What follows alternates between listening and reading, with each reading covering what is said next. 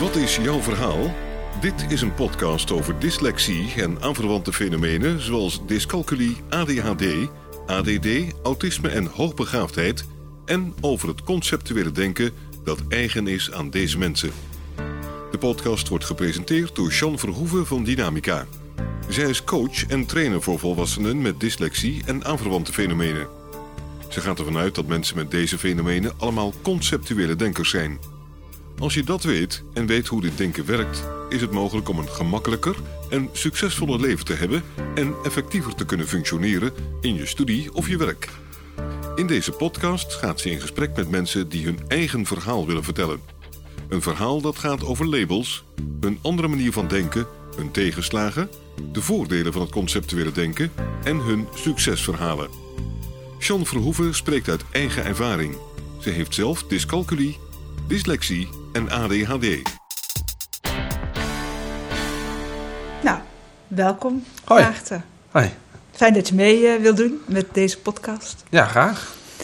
Kan je je introduceren? Ik ben Maarten, ik ben 25 jaar oud. Ik woon in het zuiden van het land, Tilburg. En ik eh, studeer toegepaste psychologie. Tel, ben je dyslectisch? Heb Ja, je nog wat meer? Ik ben nog? dyslectisch, ook gediagnosticeerd met ADHD, denk ik vanaf kleins af aan al, zullen we zeggen, een jaar of vijf, zes. Dyslexie, denk ik, een jaar of zeven, acht. Maar eigenlijk was het al mijn gehele basisschooltijd wel duidelijk dat eh, zeker op, op schriftelijke taalontwikkeling wel eh, moeilijkheden waren. Dus dubbele diagnose. Ja, Waar ik het met jou over wil hebben is over het studeren. Toen kom je tegen, hoe zit dat? Wat is nou leuk aan het studeren als je dyslectisch bent en Ja. ADHD hebt? Nee, en over je scriptie. Dat is ook altijd een dankbaar onderwerp. altijd, altijd. Er zijn genoeg woorden over te... Wat is nou voor jou het belangrijkste als we het hebben over dyslexie? En dat kan het belangrijkste zijn in de positieve zin, maar het mag ook in de negatieve zin. Wat is het rottigste van je dyslexie? Ik denk de problemen in, gewoon in het dagelijkse leven. Gewoon de moeilijkheden al van even een mailtje sturen, even een berichtje dit, even een dingetje zo. Je leert het natuurlijk wel voor een deel jezelf wel aan. Het is voor je altijd net, een- net een stapje extra. Het is altijd, je denkt altijd, eh, oh ja, dan stuur ik nog even een mail. De, de manier waarop ik het meeste merk dat ik last heb van dyslexie. Dat, dat stukje rondom die taal en zeker die schriftelijke taal... ook gewoon het dagelijks leven gewoon soms best lastig maakt. Even een brief sturen of bewijzen van je krijgt een boete bij de NS onterecht... en je wil een bezwaar schrijven. Schrijf even een bezwaar. Ik weet, weet ongeveer wel wat erin moet, maar het formuleren ervan... Ik moet daar altijd iemand voor vragen, voor dat soort dingen. Niet dat ik heel vaak boetes krijg, maar ik moet daar altijd toch even een keer laten lezen, een keer laten vragen. Dus, dus ik denk dat dat de, in ieder geval de meest aanwezige vorm van de dyslexie is. Er zijn natuurlijk nog wel wat dingen, in, bijvoorbeeld in mijn opleiding of schooltijd zijn natuurlijk ook altijd dingen wel lastig geweest. Maar het meeste bijblijft is toch ook dat dagelijkse leven, dat zelfs al ben je niet per se dingen bezig met de dingen die je altijd heel moeilijk vindt, je alsnog moeite met dingen hebt. Voor een normaal iemand, als ik even normaal kan zeggen, iemand die geen last heeft van dyslexie, laten we het zo benoemen.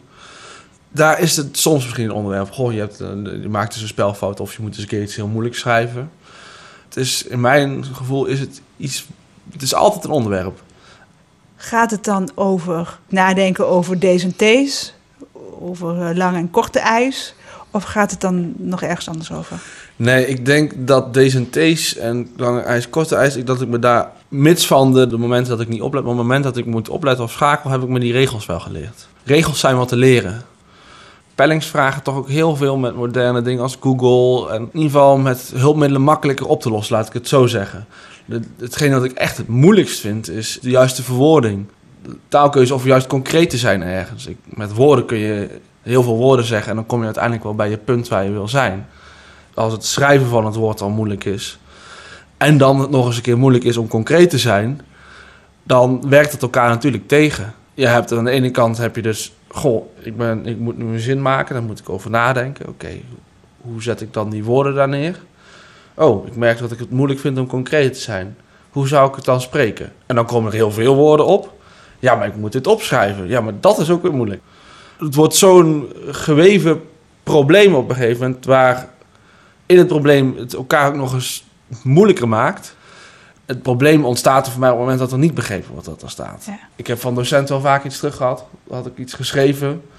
Deed ik het in mijn eh, studie super, in de gesprekken. En ik moest advies geven. En het, het ging allemaal super. Toen moest ik advies memo schrijven. In de klas maak je een eh, verwachting voor een, eh, nou, laten we zeggen, 7, 8. Misschien soms wel beter. En dan krijg je terug een 6 of een 5,5 of een 6,5. En dan denk je, ja, maar ik heb hier toch zoveel bloed, zweet, tranen en moeite al ingestoken. Hoe kan dit nou? Ja. En ik deed het zo goed in de klas.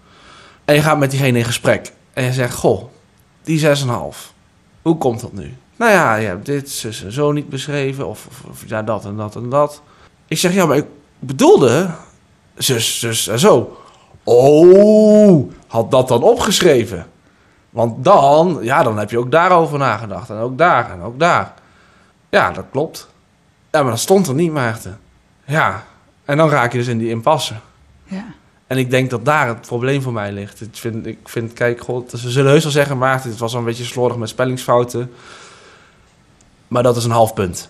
Even, even in opleidingstermen gesproken. Maar ook in je, dit, dit kun je natuurlijk ook koppelen naar een normale, situa een, le- een normale situatie in het leven. Waarin iemand zegt, god, die spellingsfouten lees ik nog wel overheen. Ik Ja. erger me daaraan, maar goed, dat komen met z'n twee wel uit.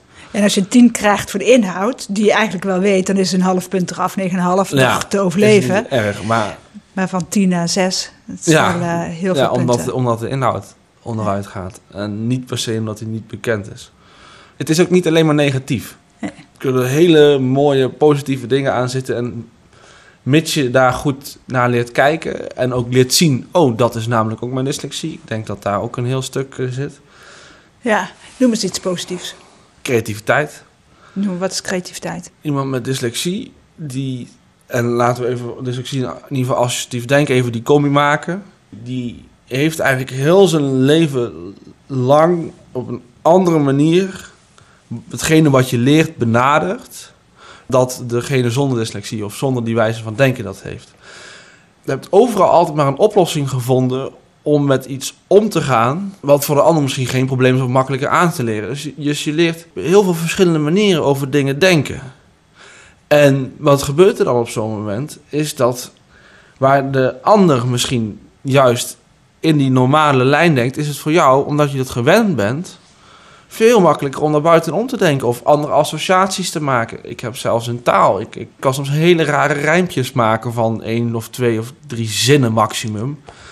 Niet dat ik er zo eentje kan benoemen hoor. Maar die zijn, omdat ik op een andere manier associatief over woorden denk, is dat anders dan de rest die iets maakt. Omdat ik op een andere manier daarnaar heb leren kijken. En, en dat kan soms echt een, een joy zijn. Als je dat kan zien. Ik wil het nog even hebben met je over de scriptie. Want daar ben je al tijds mee bezig. Ja, al bijna een jaar. En ik neem aan met al die wijsheid die je hebt, dat je voor een onderwerp gekozen hebt dat gewoon heel interessant is en echt bij je past. Ja en nee. Toen ik mijn scriptieonderwerp ging kiezen, laat ik zo zeggen, ik doe op HBO een scriptie. En dat betekent dat je in mijn geval voor mijn opleiding bij een bedrijf mee moet werken. Toen was ik hier nog bezig met een stuk van mijn eh, cursus. En toen moest ik gaan kiezen. Van waar ga ik dit doen? Bij welk bedrijf wil ik dit doen? Hoe wil ik, dit, hoe wil ik dat aan gaan pakken? En toen heb ik ervoor gekozen om een soort optie te kiezen die normaal eigenlijk niet de gewenste optie is. Dus mijn opleiding eh, geeft wat, wat scriptieplek op de eigen opleiding zelf bij een paar onderdelen. En ik dacht, ik gebruik, het als mijn kracht. Ik ga intern bij mijn eigen opleiding mijn scriptie schrijven. Waarom?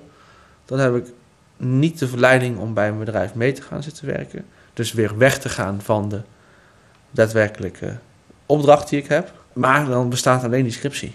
En dan heb ik nooit een probleem met dat mijn vraag niet goed is, want hij komt van mijn opleiding. Dus ik dacht, dit doe ik heel slim. Vervolgens koos ik een heel statistisch onderwerp als scriptie. Om te zorgen dat ik dus, wetende dat taal moeilijk is voor mij, zo min mogelijk daar het zwaartepunt ligt, maar zoveel mogelijk in de berekeningen. En misschien een logische volgorde. En Want daar ben je goed in, in de statistiek. ja, daar ben ik in ieder geval beter in dan in taal. In ieder geval, ik, ik heb dus expres heel erg eh, gericht gekozen om ervoor te zorgen dat ik zo min mogelijk in mijn gevarenzone terechtkom. Veel taalkundig bezig te zijn. Ja. Moet wel, hoort erbij. Eh, dat is jammer genoeg eh, uiteindelijk door een misverstand aan mijn opleidingskant eh, misgegaan. En toen werd mijn opdracht zo veranderd dat in één keer wel heel talig werd. Dus toen zat ik eigenlijk op de plek waar ik niet wilde zijn. Dus dat is, dat is even de introductie naar mijn scriptie toe. Hoe het hele scriptie bevalt.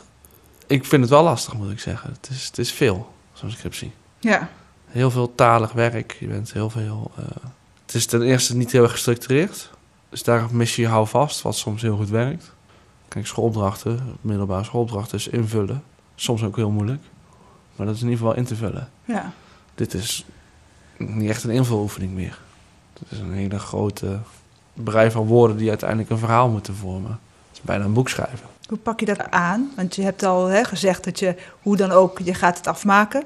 Dus hoe ik het aanpak, is ten eerste... Ik heb gezegd, ik neem een scriptiebegeleider. Buiten mijn opleiding om en, eh, betaal ik iemand die met mij rustig meekijkt naar mijn scriptie. Ik weet dat dit een zwaktepunt wordt voor mij.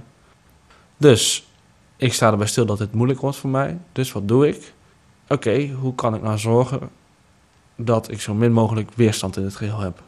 Dus ik heb gezegd, ik, trek, ik heb iemand van buiten aangetrokken die met mij kijkt naar hoe zit het dan met die scriptie? Waar, hoe kunnen we nou zorgen dat het eh, dat alle onderdelen zo klein, zo concreet mogelijk worden, dat het eh, zo meer, zoveel mogelijk een invuloefening wordt. Dat je zoveel mogelijk je, kijk, ik heb, die heeft me ook nog een aantal schrijftips gegeven. Dat is ook een stuk die ik hier ook heb geleerd. Ehm dus lecten gaan altijd heel erg naar de inhoud. We slaan de introductie over, want het gaat toch om de inhoud. Ja. En zij zegt, als je nou in schrijven vertelt wat je gaat doen. Dus we gaan dadelijk dit, dit, dit, zo, zo, zo, dat en dat doen. Vervolgens hetgene gaat doen. En dan vervolgens herhaalt wat je hebt gedaan. En dat kan op, als een samenvatting. En dat mag binnen een alinea, dat mag binnen een stuk. Eigenlijk als je die structuur constant aanhoudt, dan schrijf je veel makkelijker de dingen weg. Dan krijg je en wat vulling. En voor iedereen die het leest, die denkt... Oh, hij gaat het dadelijk hierover hebben. Hij heeft het nu hierover. Och, en daar ging het over. En zo schrijven is iets wat in, in een hoofd van een dyslect niet zo is. Ik schrijf gewoon op wat ik dan als inhoud wil. Ik heb ook op die manier van hier leren lezen. Van alles wordt herhaald, toch wel een keer. Dus je kunt ook soms over dingen heen lezen. Is niet zo erg als dyslect. Andersom, met leren schrijven in een scriptie heb ik dus nu ook geleerd. Herhaal die dingen, want dat verwachten mensen andersom meedenken. Dat zijn dingen die zij mij heeft geleerd, omdat zij heel veel ervaring heeft met teksten schrijven en scripties maken. Dus dat is al een stap. Hoe pak ik nou zo'n scriptie aan? Ik begin daarbij. Ja. Ik ga gewoon om me heen kijken. Dit, ik stel vast, het is een moeilijke opdracht. Welke hulp kan ik om me heen verzamelen? Ja. Dan gaan we naar het daadwerkelijke schrijven. Hoe doe ik dat? Nou, ik heb hier net al uitgelegd voor me uitschrijven, zeg maar. Wat ik hier ook heb geleerd is mindmaps maken. Dus wat denk ik nu eigenlijk precies? Gewoon gaan uitschrijven. Oh, ik zie, ik zie een verband. Schrijf hem even met pen en papier uit. Zodat het in ieder geval ergens staat. Ik, ik, kan, ik schrijf trouwens heel onleesbaar. Ik kan soms mijn mindmaps niet teruglezen, maar wel de gedachtegang terugvinden. Dat is belangrijk. Ik zorg dat ik aantekeningen maak. Ik heb een marker. Ik zorg dat ik alle kleine hulpmiddelen heb om de boel maar te ordenen. Omdat ik het moeilijk vind om in mijn hoofd de taal te ordenen. Ja. Dus ik zorg dat ik daarnaast de boel orden. Dus hoe ga ik nu het moeilijkste gedeelte van mijn scriptie is voor mij het theoretisch kader. Daarin moet je voorstellen dat je dus... Ik schrijf iets, een, een, een, een, verhaal, en, ik, en dat baseer ik allemaal op eerder geschreven stukken. Dus ik verzin niks zelf. Het enige wat ik doe is, ik lees heel veel dingen, die ik dus allemaal asseer, samenvat en een overzicht van maak zodat ik kan zien wat ik gelezen heb en dat ik niet weer alles door hoef. En vervolgens met die dingen die ik heb gelezen, moet ik een nieuw stuk tekst fabriceren, bij wijze van. Die samen uiteindelijk een logische conclusie maken, die ik wel zelf mag trekken, maar wel weer moet baseren op dingen die ik heb gevonden. En waarmee, en dan zeg je ook, dan ga ik veel minder vrij associëren op alles wat ik lees. Dan kan ik er beter bij blijven. Nee, ik kan wel vrij associëren, maar als ik vrij associëren, dan moet ik mijn associatie opschrijven. Ja, oké. Anders wordt het, Ja. een, het, wordt, het wordt een bende. Het is, ik, waarom ik dit... Ik vind dit trouwens het moeilijkste... Dat theoretisch het moeilijkste deel van mijn descriptie. Ik, waarom ik dat zo moeilijk... Ik noem dat met een moeilijk woord... Zeer, zeer, zeer abstracte taalverwerking van heel hoog niveau. Want wat gebeurt er? Je moet iets lezen. Naast dat je de inhoud moet lezen... moet je het beoordelen op een waarde. Je moet het vervolgens herformuleren naar een samenvatting of naar een volgende zin. En na, daarnaast moet je het ook nog eens zien te plaatsen in de context van 15 andere dingen die je zo hebt gelezen. Dus het is hele moeilijke, abstracte taalverwerking. Ja. Maar als je die opdrachten eens even lospakt, dus het lezen, nou, dat doen we dan maar voor de inhoud. Dan gaan we even, wel even de inhoud noteren. Dan is dat alweer uit mijn hoofd. Ja, ja, dan trek je het uit elkaar. In plaats van dat het één ja, grote dat het berg één is. grote berg is. Nou, dan hebben we dat stukje niet getackeld. Let op, blijft moeilijk. Ja, ja, ja. Maar dan hebben we dat stukje weer getackeld. Ik moet het op waarde beoordelen. Nou goed, dan ga ik in ieder geval aan elkaar. Of ik maak een, een schemaatje. Of ik krijg een associatie. Dus ik maak even een mindmap. Oh, dit hoort hierbij of hierbij. Ik leg soms ook artikelen bij elkaar. Zeggen, dit deel van het verhaal zijn deze artikelen. Die gaan hierover. Dit deel van het verhaal gaat hierover. En dat doe ik allemaal niet in mijn hoofd. Omdat ik weet dat daar 1 miljoen andere dingen gebeuren. Plus dat ik nog met iets bezig ben wat ik het allermoeilijkste van allemaal vind. Ik ben bezig namelijk met lezen en met schrijven en taal te verwerken. Nou, wat ik wel interessant vond, eh, vind dat je vertelt, is dat je het uit elkaar gaat trekken. Dat je hè, het lezen, het schrijven, het benoemen, Ja. het op tijd plannen. Er zijn vier dingen waar die erg lastig worden. Ja. Als je ook nog met iets bezig bent dat niet, eigenlijk niet iets is wat je wilde doen. Ja, Maar het moet wel af. En je wil het af, want dat heb je Ja, al eerder verteld. ja, Dus, ehm, en dat je het uit elkaar trekt van oké, nou ga ik lezen.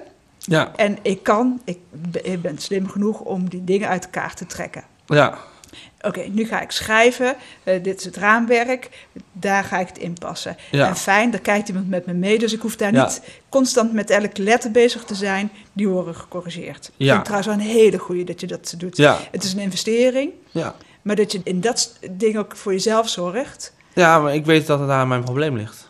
Maar, En- en de andere kant is, ook al kan je het heel mooi, op, mooi opschrijven... wil niet zeggen dat je er alles van weet. Ja, dat En die is- vergissingen worden dat nogal is eens ook, gemaakt. ook nog wel eens inderdaad zo. En dan denk ik, wauw, hè, en dan hebben we het weer over toetsen. Waar gaan we op toetsen? Eh, Gaan Ja, we op de ja, ja, goede ja. manier Toets, van toets, schrijven toets, toetsen? toets, toets, wat je wilt toetsen. Ja, of toets je de kennis? Ja, en- dat, is, dat is inderdaad een, een vraag die ik me wel eens... Ik zeg wel eens gekscherend... Als ik nu eh, mijn scriptie nu zou moeten verdedigen in een tien uur lang durend gesprek... zou ik er prima uitkomen. Ja, ja, ja. Maar de vraag is, en in die zin is dus ook niet de vraag... als ik die scriptie met mijn hulp uiteindelijk geschreven heb... is die voldoende? Maar kom ik op het punt dat die uiteindelijk helemaal geschreven is? Ja. De, de vraag van nu. Hoeveel ben je nu? Ik ben nu nog steeds in dat theoretische kader echt aan het ploeteren. Ja. Maar ik moet goed constant bij mezelf terug nagaan. Goh, wat is hier nou mijn tactiek? Wat moet ik hier nou doen? Hoe zorg ik dat ik dit orden? Ik moet actief hulp vragen, want dat doe ik soms ook niet. Ondanks dat je al iemand Ondanks hebt dat die meeloopt. heb, maar ja. die, die stuur ik ook niet altijd iemand. Dan denk ik soms, ja, ik heb niet genoeg eh, gedaan deze week. Maar ik moet, eigenlijk moet ik gewoon, gewoon, gewoon gaan. Want hulp vragen is één, Ja. maar ook dag toestaan. Ja, Dat ze meekijken. dat is, is een eh, belangrijk twee. stuk. Ja. En daarin ook denk ik dat het nodig is. Je moet zo gewoon, je moet, blijf er gewoon van uitgaan. Je hebt gewoon die hulp nodig. Precies. En het is soms niet heel leuk dat je die hulp nodig hebt, maar het is gewoon zo. Ja. Ik zie voor mij in ieder geval een weg naar voren toe waarin ik nog heel veel werk heb. Nog heel veel vervelende, lastige dagen tegemoet ga. Waarin ik dingen doe die ik in essentie niet leuk vind. Ik vind de inhoud soms heel leuk. Soms lees ik iets en denk, oh ja. Of wat ik soms heel leuk vind, is dat ik denk, hé, hey, die twee dingen passen bij elkaar. Hoef ik de inhoud per se niet leuk te vinden, maar dan heb ik in ieder geval iets, een stapje weer vooruit. Ja. Dus ik zie heel veel van dat soort dagen waarin ik mezelf moet herinneren dat ik stapjes vooruit maak en denk, oh, dit heb ik vandaag wel afgekregen. En uiteindelijk kom ik op een punt waar ik of er voorbij ben en lekkere voortgang maak, of waar het gewoon af is. ja. En het is gewoon een hele, hele lange weg. Niet heel leuk, maar eh, uiteindelijk, uiteindelijk levert het iets op. Je bent klaar je hoeft nooit meer zoiets te doen. Tenzij je bedenkt dat je doorstudeert. Goed, Eh, maar dat is toch eigen weer. keuze. Ja, ja. En dan begin je weer opnieuw eh vers aan en dan neem je weer alles mee wat je ooit geleerd hebt. Ja. En dan, eh, ja. Een tip voor eh, studenten die bezig zijn. Met dezelfde geploeter als jij. Ga stilstaan bij wat je dyslexie is. Dat is denk ik de eerste. Dat is voor mij nu de allergrootste leercurve in de afgelopen... Denk je dat ik studeer? Jaren zijn dat ondertussen. De grootste leercurve is... En het meeste heb ik geleerd is toen ik stil ging staan bij wat mijn probleem nou was. Wat is nu dyslexie? Wat maakt het nou zo moeilijk voor mij? Wat zorgt er nou dat ik heeft er in het verleden voor gezorgd dat ik nu dingen moeilijk vind of liever niet doe. En dat allemaal tezamen komt uiteindelijk. Dan heb je in ieder geval, je hebt een kader om mee te werken. Je hebt een soort handvat. Ja. Maak dat handvat voor jezelf. Als je dat hebt, dan is het vervolgens het is helemaal niet per se makkelijker. Maar je hebt wel iets, een, een handvat om mee te werken. Je hebt iets om mee te doen. En je, kan, je hebt iets waardoor je minder jezelf de schuld kan geven van. Ja, ja, goed. Wat dan ook? Ja, ja, je moet jezelf sowieso niet per se de schuld geven. Kijk, het is wel een onderdeel van jou. Je moet natuurlijk nooit zeggen, hier kan ik niks aan doen en mijn handen in de lucht en eh, dat, dat vind ik niet. Nee. Je hoeft jezelf hier echt niet de schuld van te geven dat dingen moeilijk, eenmaal nou moeilijk gaan. Waarschijnlijk heb je een skillset die op andere dingen waar je eh, dubbel en dwars terughaalt. En kijk vooral ook terug wat je al behaald hebt. Ja. Soms denk je, joh, eh, dit kan ik toch allemaal niet. Nou ja, je hebt wel dit afgesloten en dat al gedaan en zus al gedaan. Ja, wat ik ook wel een mooie vind is, eh, en kijk hè, ver- hè, over, wat is twee jaar nou van je Ja, leven? en over twee jaar, kijk gewoon vooruit. Ja. Joh, als ik nu twee jaar even lastig heb en ik pluk daar de rest van mijn leven de vruchten van, dan doe dat. En vraag hulp. En denk er van tevoren over na. Ik, kom in een situatie die mij moeilijk gaat worden. Kan ik gaan doen? Ik kan afwachten en kijken of die situatie. En dan blijkt het uiteindelijk moeilijk te zijn. Ja, goh, dat hadden we van tevoren ook al voorspeld. Ja. Nou, dan hadden we toch van tevoren iets kunnen doen in deze situatie, waardoor die misschien minder moeilijk was. Doe dat gewoon. Of anders, doe het nu. Hè, op het Ja. moment dat... Op het moment dat je er ook in zit, Ja. kijk gewoon om je heen en praat er eens over. En dat is altijd. En stel je open voor alles. Dan, ja. Het wordt niet makkelijker. Wel, het wordt wel een beetje makkelijker. Maar het wordt niet makkelijk. Nee, nee, Nee. Maar dat is mooi. Hè? Het Ja. wordt niet makkelijk, maar het wordt wel makkelijker. Ja, en dat wordt het zeker. En eh, probeer jezelf te motiveren. Ja. Lukt me ook niet altijd, eerlijk. Maar probeer het wel. Ja. Ik ben ook geen supermens hierin. Nee. Hierbij eh, gaan we het eh, voor vandaag laten. Ik ga Ja. nog een keer terugkomen op de, het belang van die motivatie. Ja, Hoe dat speelt bij mensen met dyslexie ja. en mensen met ADHD. Want daar heb Ja. je ook een hele hoop over te vertellen. ja klopt. Daar gaan we nog een keer, we gaan het nog een keer over hebben. Ja, dus dat, eh, we, we horen jou terug. Ja, zeker. Wil je reageren op deze podcast of heb je vragen? Stuur dan een mail naar podcast.dynamica.nl. De reacties zullen worden meegenomen in volgende podcasts. John Verhoeven geeft coaching, workshops en trainingen. Wil je meer informatie? Kijk dan op www.werkendyslexie.nl of www.geniaaloprechts.nl of bel 020 639 1099 020 639 1099. John Verhoeven heeft twee boeken geschreven over dyslexie: Slimmer dan je baas en Dyslexie, Stoornis of Intelligentie. Deze boeken zijn te koop in elke boekhandel. Stuur de podcast door naar iedereen waarvan je vindt dat ze meer zouden moeten weten over dyslexie, ADHD, ADD, dyscalculie, autisme en hoogbegaafdheid en het conceptuele denken. Deze podcast is gemaakt in samenwerking met Marcel de Hoog van Storytelling Media. Hij verzorgt de technische, redactionele en morele ondersteuning. Tot de volgende aflevering.